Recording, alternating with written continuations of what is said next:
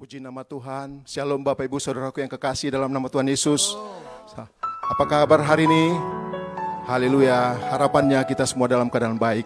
Mari sebelum kita mulai ibadah, saya undang Bapak Ibu untuk bangkit berdiri dan juga bagi Bapak Ibu yang ada di rumah, kita sama-sama bangkit berdiri.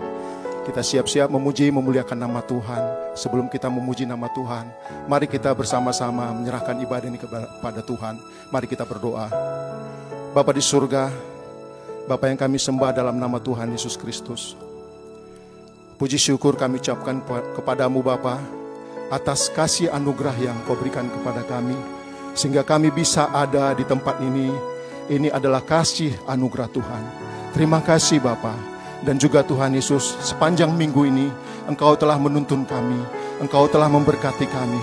Dan pada hari ini Tuhan, di hari perhentianmu, kami datang di hadapanmu yang kudus di tahtamu yang kudus untuk memuji memuliakan namamu. Terima kasih Bapa. Kiranya persembahan yang kami naikkan, persembahan korban persembahan yang kami bawa menjadi dupa yang harum dan berkenan di hadapanmu Bapa. Terima kasih Bapa. Hamba juga berdoa buat setiap hambamu yang akan hamba-hambamu yang ikut ambil bagian di dalam pelayanan pada pagi hari ini. Biar kiranya engkau mengurapi mereka Tuhan. Menutup bungkus dengan kuasa dalam kudus. Terima kasih dan juga begitu juga dengan jemaatmu yang ada di tempat ini. Dan juga ada yang ada di mana saja pun dan juga yang ada di rumah. Biarlah Tuhan juga mengurapi. Terima kasih Bapa. Terpujilah engkau kekal selama-lamanya. Kami serahkan ibadah ini hanya di dalam satu nama. Yaitu di dalam nama Tuhan Yesus Kristus. Yang siap memuji Tuhan bersama kita katakan. Amin. Haleluya. Selamat pagi sekali lagi, Shalom. Bapak Ibu yang di rumah apa kabarnya? Semuanya dahsyat, amin. Sekali lagi kita berikan tepuk tangan yang meriah bagi Allah kita. Tepuk tangan yang lebih meriah bagi Yesus Tuhan kita. Woo!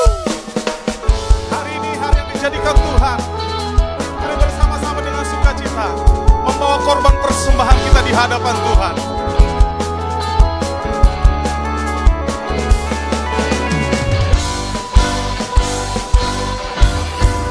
Sorak-sorai hai umat Tuhan. Kudus dan mulia namanya. Besarlah kasihnya Ajaib perbuatannya. Berkuasa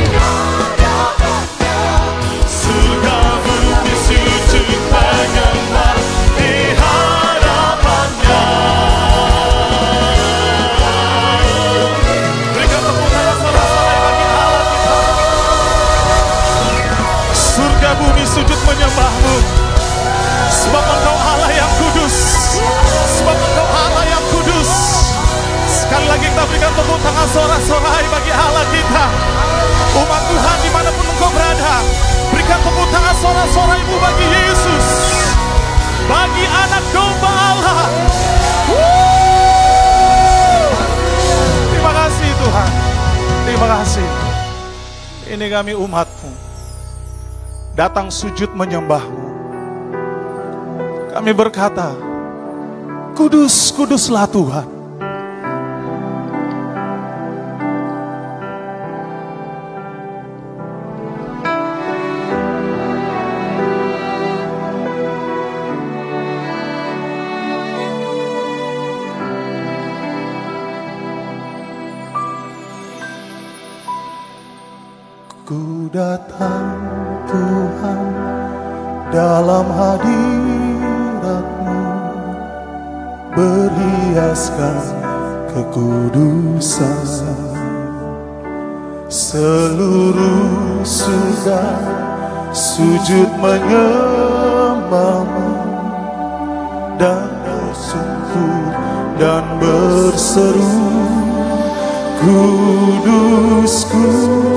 kuduslah, kuduslah Tuhan, Allah semesta alam.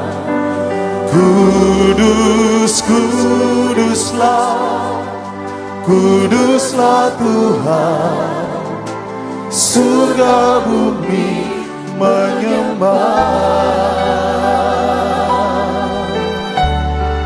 Maria Monita. Angkat pujian ini dengan imanmu.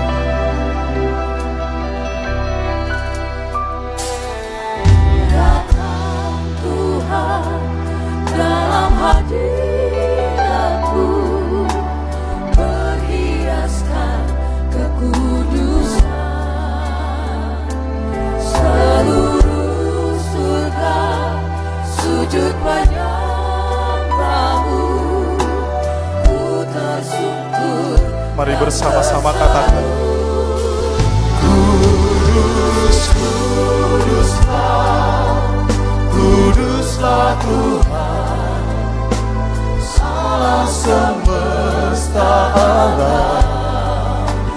Kudus, kuduslah, kuduslah Tuhan, segabung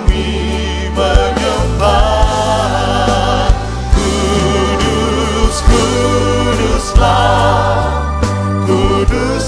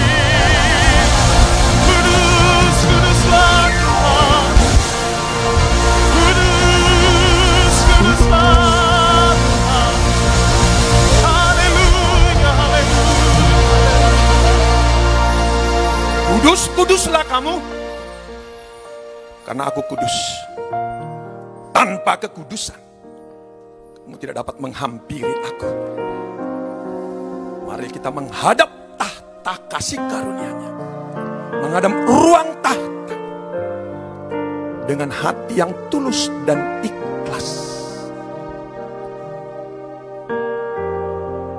Kami siapkan hati kami Tuhan. Tanah hati kami telah dibajak oleh pujian penyembahan kami. Sikap hati kami terbuka lembut, tanah yang subur. Ketika benih firmanmu ditabur jatuh di tanah yang subur, benih itu akan berakar, bertumbuh, berbuah 30, 60 sampai 100 kali lipat. Hidup berkelimpahan Tuhan tawarkan ya Tuhan.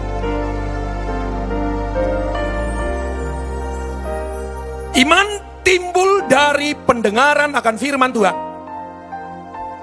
Ketika kami mendengar firman-Mu, timbul iman kami. Ketika kami percaya, mujizat itu nyata. Pada saat kami mendengar firman-Mu, mujizat dinyatakan. Hidup kami penuh mujizat oleh roh dan firman-Mu.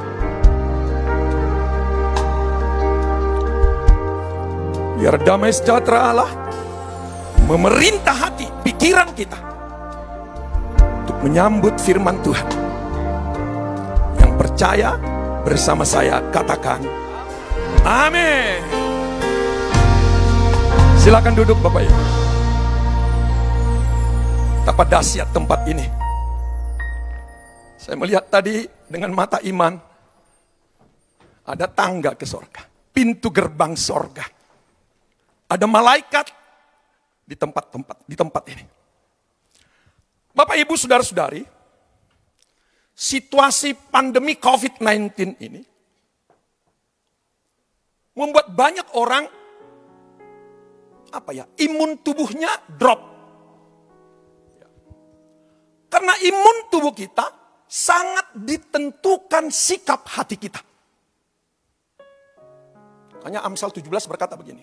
Hati yang gembira adalah obat yang manjur.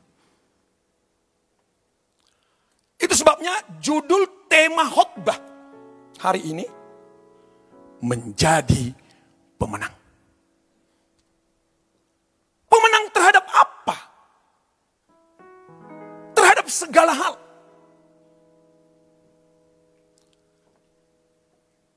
Roma 8 ayat 37. Tetapi dalam semuanya itu, segala hal, kita adalah orang-orang pemenang oleh Dia, Yesus, yang mengasihi kita. Dasar keyakinan yang kedua yang perlu kita pegang, kendali, kuasa, kontrol tetap ada di tangan Tuhan. Seekor burung pipit pun takkan jatuh ke bumi di luar kontrol, izin dan kehendak Tuhan. Kita adalah anak Allah, ahli waris kerajaan Allah. Lebih berharga dari banyak burung pipit. Hidup ini adalah pertandingan. Hidup ini perjuangan Bapak Ibu. Dan setiap perjuangan ada konsekuensinya. Menang atau kalah. Setiap perjuangan, pertandingan, ada konsekuensi. Konsekuensi menang atau kalah. Bila kebenaran firman Tuhan memperlengkapi kita, kita adalah orang-orang pemenang. Lebih daripada pemenang. Bagaimana supaya kita menjadi pemenang dalam perjuangan hidup ini? Ada protokol kemenangan. Ya. Apa dasarnya? Bagaimana supaya kita menjadi pemenang dalam perjuangan hidup ini? Paling tidak Bapak Ibu, dalam perjuangan hidup ini ada tiga hal yang harus kita perjuangkan. Dan kita imani kita menjadi pemenang. Dalam hal apa? Memenuhi kebutuhan sehari-hari kita. Itu yang pertama. Kita menang dalam hal finansial. Itu sebabnya kita anak Tuhan, anak Allah, dijamin oleh Tuhan kita, Bapak kita, kita akan menjadi pemenang dalam hal finansial. Matius 6 ayat 31 sampai 33. Sebab itu janganlah kamu khawatir dan berkata, apa yang akan kami makan? Apa yang akan kami minum? Apa yang akan kami pakai? Semua itu dicari bangsa-bangsa yang tidak nggak mengenal Allah. Akan tetapi Bapamu yang di sorga tahu bahwa kamu memerlukan semuanya itu. Tetapi carilah dahulu, closer to God, kerajaan Allah dan kebenarannya. Semuanya itu, makanan, minuman, pakaian, semuanya itu akan ditambahkan kepadamu. Yang percaya katakan amin. Jangan tanggung kalau kasih. Ya. Itu artinya mengamenkan itu. Firman Tuhan itu. Dasar keyakinan kita, Filipi 4 ayat 19. Bapak kita, Allah kita akan memenuhi keperluan kita menurut kekayaan dan kemuliaannya dalam Kristus Yesus. Perjuangan yang kedua, melawan iblis Bapak Ibu. Pencobaan, dosa, maut. Bagaimana kita supaya bisa menjadi pemenang menghadapi musuh iblis, maut dan dosa ini. Di dalam ya, 1 Petrus 5 ayat 8 sampai 10. Sadarlah dan berjaga-jagalah lawanmu si iblis. Berjalan keliling sama seperti singa yang mengaum-ngaum, mencari orang yang dapat ditelannya. Kita garis bawahi, mencari orang yang dapat ditelan. Berarti ada orang yang nggak dapat ditelan, ada orang yang dapat ditelan. Kita semua yang hadir di sini adalah orang yang tidak dapat ditelan oleh iblis. Kenapa? Ayat 9. Lawanlah dia dengan iman yang teguh. Sebab kamu tahu bahwa kamu semua saudaramu di seluruh dunia menanggung penderitaan yang sama. Ini kuncinya. Allah, sumber segala kasih karunia yang telah memanggil kamu dalam Kristus kepada kemuliaannya yang kekal akan apa? Melengkapi, meneguhkan, mengokohkan, menguatkan sesudah kamu menderita seketika lamanya. Termasuk Bapak Ibu. Wujud pekerjaan iblis sekarang ini adalah apa? COVID-19. Kita harus lawan. Kita harus menang. Melawan iblis.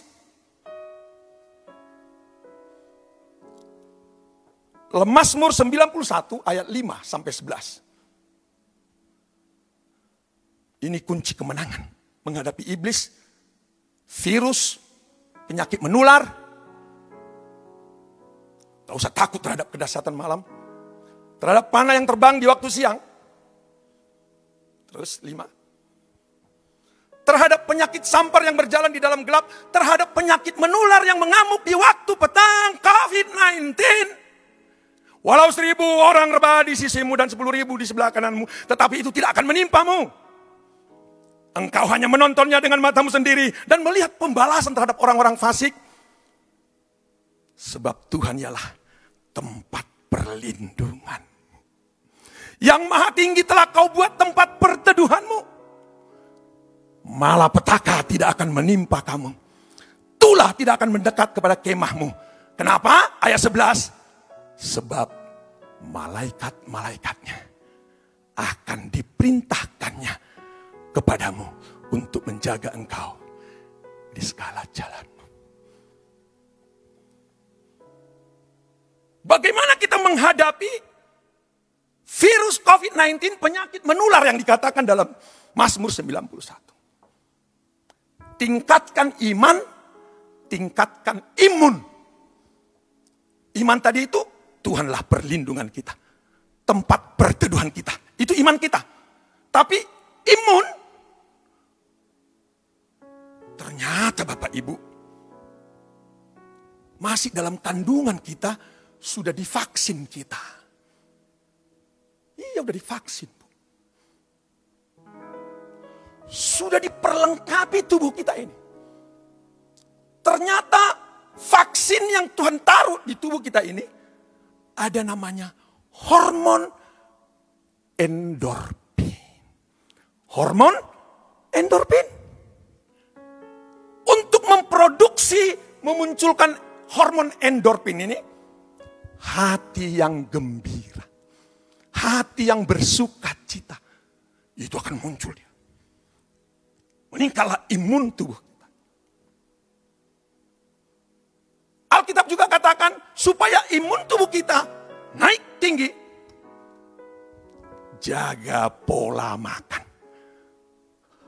Jaga pola makan.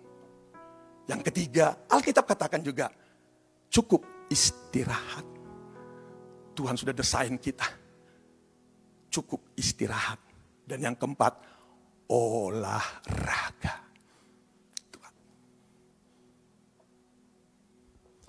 Bulan Februari 2020, saya membawa rombongan ke Jerusalem. Pulang dari sana. Ada dua rombongan kita. Satu rombongan Pak Rohan saya. Gitu ya. Rombongan yang lain saya. Dari rombongan saya. Sampai bulan Maret kita di sini. Dokter Ucok Martin meninggal COVID. Ini dokter ini satu kamar dengan saya. Wow. Setelah dia meninggal, saya juga ada gejala. Demam, sesak, penciuman hilang. Wow. Belum divaksin saya. Teringatlah saya. Vaksinnya sudah ada di sini. Munculkan endorfin. Tiap pagi saya bangun, memunculkan endorfin itu bahasa roh saya. Menyembah di dalam roh, memuji di dalam roh. Bangun pagi, 30 menit sampai satu jam. Menyembah. Setelah itu olahraga. Setelah itu istirahat cukup. Jaga pola makan. Kemudian dia di swab, saya di swab. Dua kali di swab. Hasilnya negatif. Syukurlah kepada Tuhan. Iman dan imun. Sudah dua Tuhan vaksin di dalam kita. Makanya ketika kita di swab atau dites positif, jangan endorfinnya itu jadi down, kekebalan tubuh kita jadi down. Kita harus mengalahkan. Dengan apa? Iman dan imun tubuh kita. Ini udah 63 sekarang, seperti 36. Itulah dia. Iman dan im, imun Pak. Sukacita Pak. Hati yang gembira. Perjuangan kita yang ketiga adalah apa? Memenuhi panggilan surgawi Bapak Ibu. Dalam 2 Timotius 4 ayat 7 sampai 8. Ada doktrin yang kurang kurang pas menurut saya. Ada doktrin berkata begini, sekali selamat tetap selamat. Wih enak sekali. Hyper grace. Gak perlu dikerjakan lagi keselamatannya. Wah.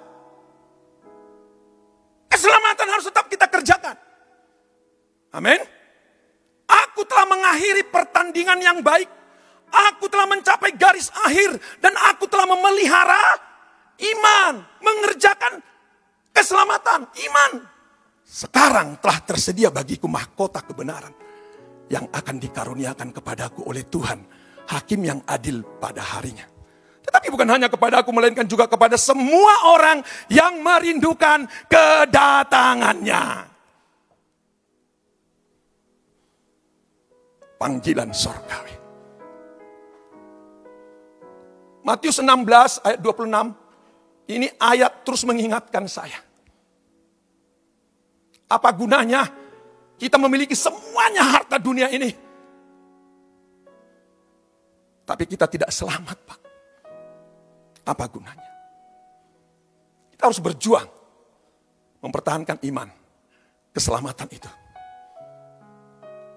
Tujuan hidup kita, panggilan sorgawi. Oh Yerusalem, kota mulia, cereng. Oh Yerusalem, kota mulia, hatiku rindu ke sana.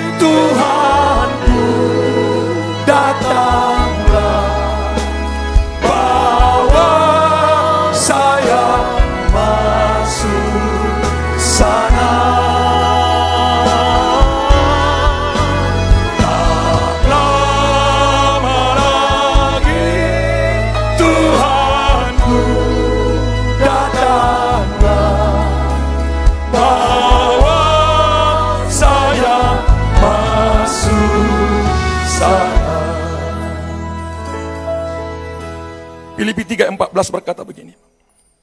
Aku berlari-lari kepada tujuan untuk memperoleh hadiah yaitu panggilan sorgawi dari Allah dalam Kristus Yesus. Itu destiny kita.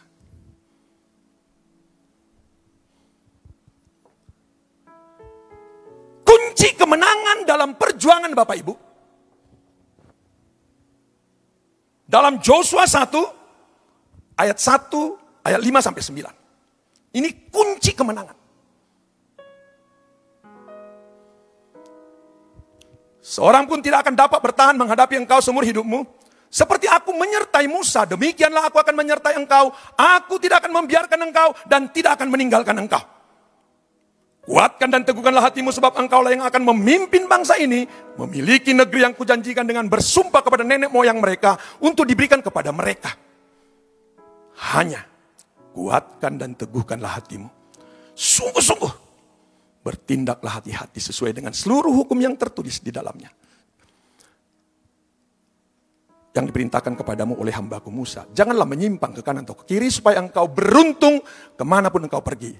Ayat 8, Janganlah engkau lupa memperkatakan kitab Taurat ini, tetapi renungkanlah itu siang dan malam, supaya engkau bertindak hati-hati sesuai dengan segala yang tertulis di dalamnya. Sebab dengan demikian, perjalananmu, perjuanganmu akan berhasil, dan engkau akan beruntung.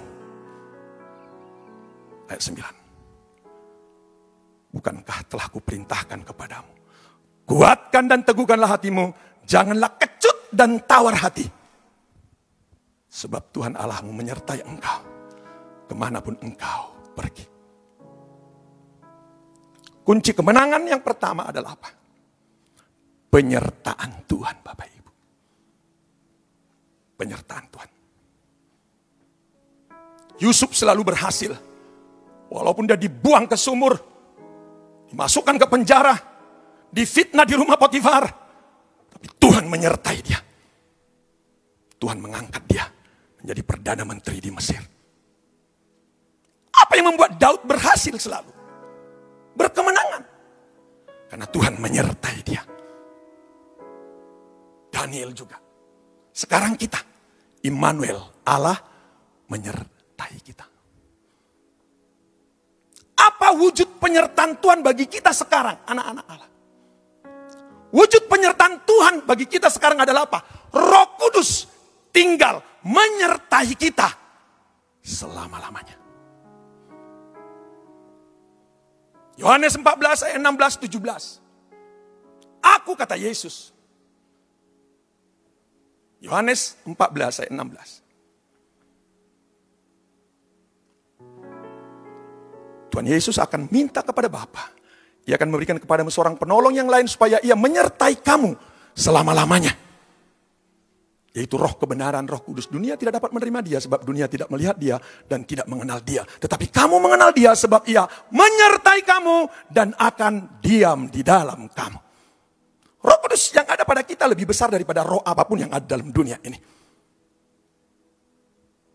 Bentuk penyertaan Tuhan bagi kita. Ada malaikat yang berjalan di depan. Dan menutup barisan belakang kita. Sehingga kita terhindar dari segala malapetaka dan kecelakaan. Karena malaikat Tuhan diutus menyertai kita senantiasa. Mazmur 91 ayat 10 sampai 11. Penyertaan Tuhan. Kunci kemenangan bagi kita. Yang kedua adalah apa Bapak Ibu? Nah ini dia. Integritas. Integrity. Apa itu integritas? Sesuai hati dengan perkataan dengan tindakan. Kalau hatinya A, perkataannya A, tindakannya A, integriti, integritas terintegrasi. Karena itu, marilah kita menghadap Allah dengan hati yang tulus ikhlas dan keyakinan iman yang teguh.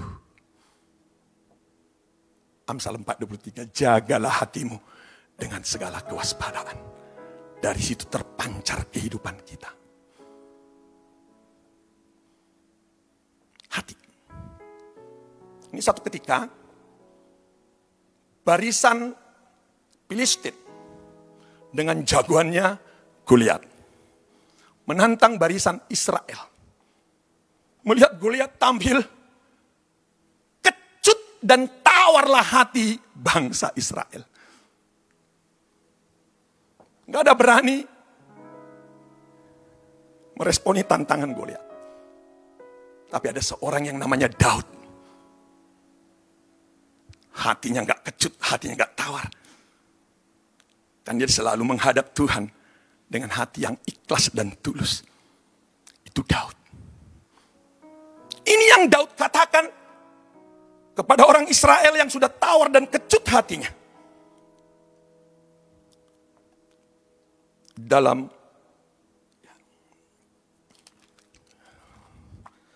1 Samuel 17 ayat 32. Ah. Berkatalah Daud kepada Saul, janganlah seorang menjadi tawar hati karena dia. Hambamu ini akan pergi melawan orang Filistin itu. Langsung eksekusi 45 ayat 45. Tetapi Daud berkata kepada orang Filistin itu, Kulihat, engkau mendatangi aku dengan pedang dan tombak dan lembing, tetapi aku mendatangi engkau dengan apa? Nama Tuhan yang menyertai aku. Allah segala barisan Israel yang kau tantang itu, hari ini juga, hari ini juga Tuhan akan menyerahkan engkau ke dalam tanganku.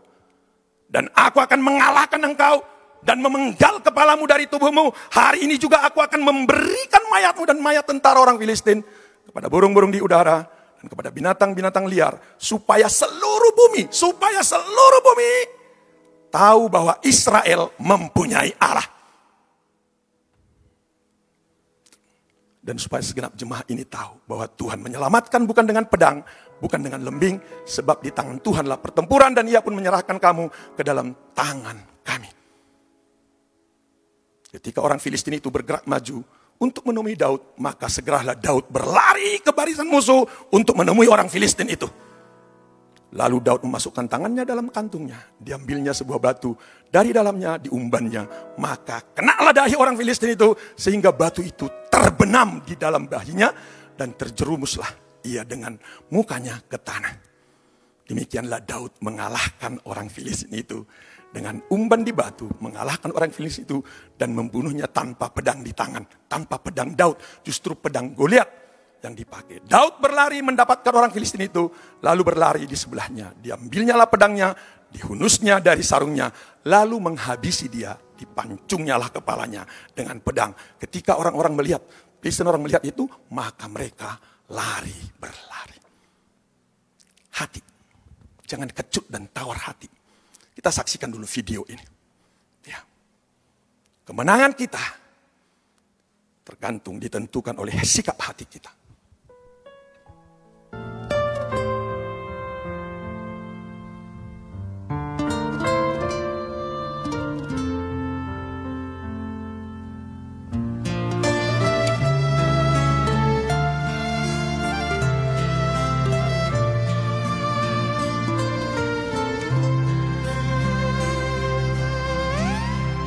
Allah yang bela Siapa lawan dia Ini Goliat tingginya 3 meter. Ini Daud Lebih dari yang memiliki hati yang tulus, integriti. Dalam segala hal Ku pasti Nggak kecut, nggak tawar hatinya. Lihat langkah-langkahnya itu. semua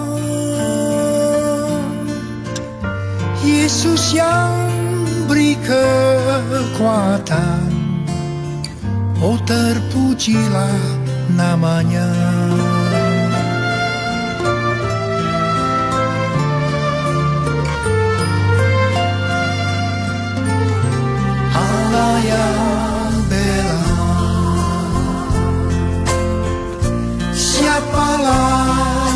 lawannya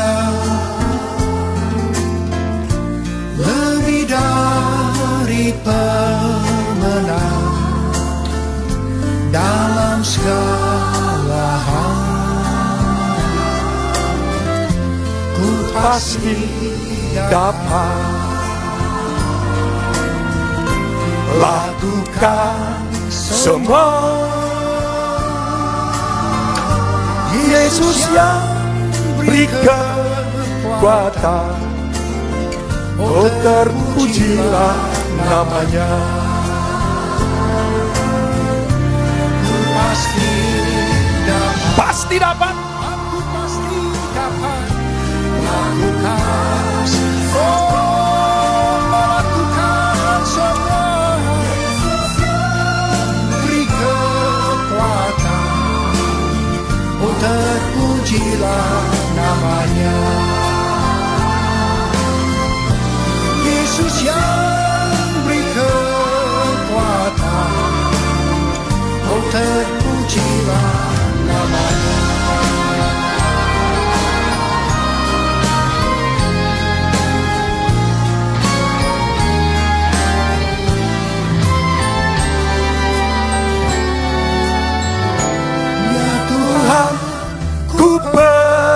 percaya. Aku percaya. Pasti lewat semuanya. Lewati lembah air mata. Aku percaya. Firmanmu ya dan amin. Aku percaya Kemenangan Sudah kau jamin. Aku percaya. Ya Tuhan ku percaya. Percaya. Saja. Ku percaya. Lewati Lembah air mata Aku percaya Firmanmu ya dan amin. Aku percaya Kenangan sudah kau jamin. Aku percaya Kemenangan sudah kau jamin Aku percaya. Bapak ibu saudara-saudari. Dengan pedanglah Daud memenggal. Kepala Goliat juga dengan pedang roh lah, firman Tuhanlah kita. Mengalahkan segala pergumulan masalah yang kita hadapi. Kunci kemenangan yang ketiga adalah deklarasi firman Tuhan. Deklarasi firman Tuhan. Firman itu logos. Kalau hanya sebatas pengetahuan. Firman itu menjadi rema ketika kita melakukan, kita hidupi firman itu. Hidup rema bagi kita. Aplikasi bagi kita Bapak Ibu, Saudara-saudari. Apa pun Goliat yang kita hadapi sekarang. Wujudnya dalam keuangan. Penyakit. Mungkin rumah tangga, keluarga. Kita buat tindakan profetik saat ini. Pulang dari tempat ini kita akan mengalahkan Goliat keuangan. Utang-utang tidak akan mengintimidasi kita lagi. Tuhan menyertai kita. Allah yang bela kita. Yang percaya kita akan memperoleh kemenangan. Mari kita bangkit berdiri.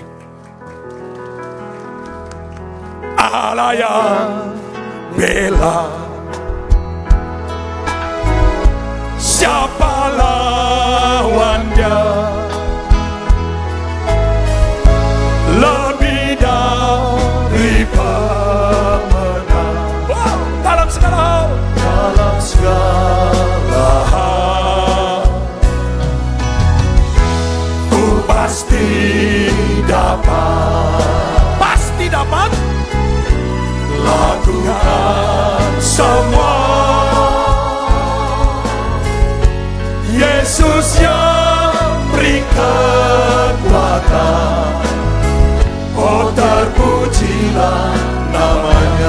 Bapak ibu saudara-saudari hidup ini pilihan Bapak ibu dasar keyakinan kita. Kontrol, kendali, kuasa ada di tangan Tuhan. Maukah kita membuka hati kita? Tuhan bela aku. Sertai aku.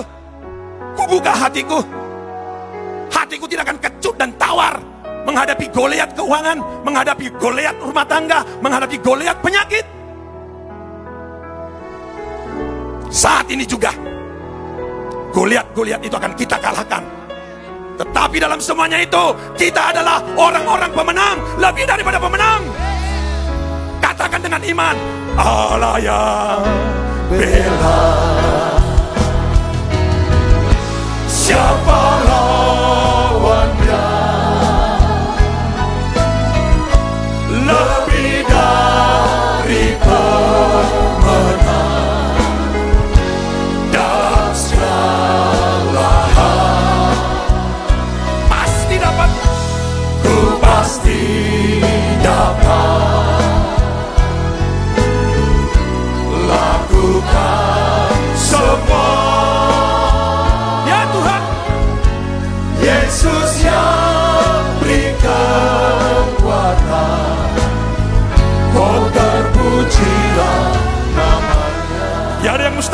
percaya.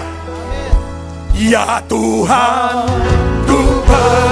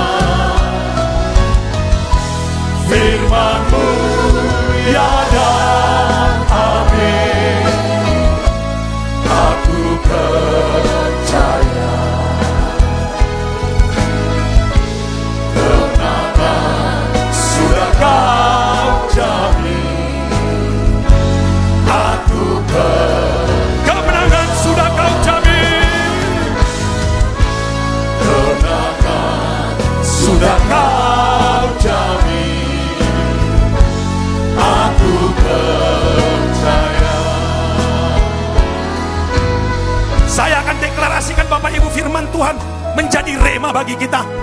Jangan takut, jangan kecut hatimu. Tuhan menyertai kita. Kalau Tuhan di pihak kita, siapa lawan kita?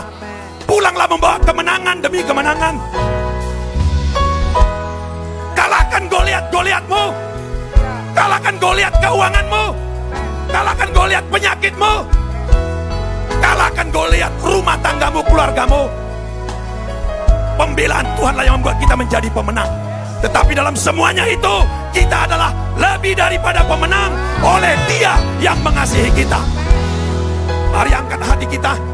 Mari kita pulang membawa kemenangan daripada Tuhan. Kiranya Tuhan senantiasa memberkati engkau. Tuhan menghadapkan wajahnya dan memberi engkau damai dan sukacita. Melangkahlah mengikut Tuhan dengan iman. Apa saja yang dikerjakan tanganmu dibuat Tuhanlah berhasil dan beruntung. Oleh karena cinta kasih dan anugerahnya dalam Kristus Yesus. Tetap setia mengikut Tuhan. Melalui persekutuan dan pertolongan daripada roh kudus. Sampai datang kembali Maranatha akan memberikan kepada kita mahkota kehidupan, mahkota kebenaran, mahkota kemuliaan di rumah Bapa Yerusalem baru nanti. Terpuji nama Tuhan. Mari kita orang percaya. Katakan. Amin. Pengumuman bagi kita semuanya Bapak Ibu akan diadakan ibadah perayaan Jumat Agung pada hari Jumat tanggal 2 April 2021 di GBI Rumah Persembahan. Ibadah onsite akan dilaksanakan pada pukul 8 pagi dan pukul 10.30 pagi di tempat ini. Bagi Bapak Ibu yang rindu untuk hadir bersama dapat mendaftarkan diri melalui aplikasi GBI Keluarga Besar Medan Plaza. Waktu pembukaan pendaftaran akan disampaikan melalui media sosial Facebook maupun Instagram. Selamat pagi, Tuhan Yesus memberkati. Selamat hari Minggu. Shalom.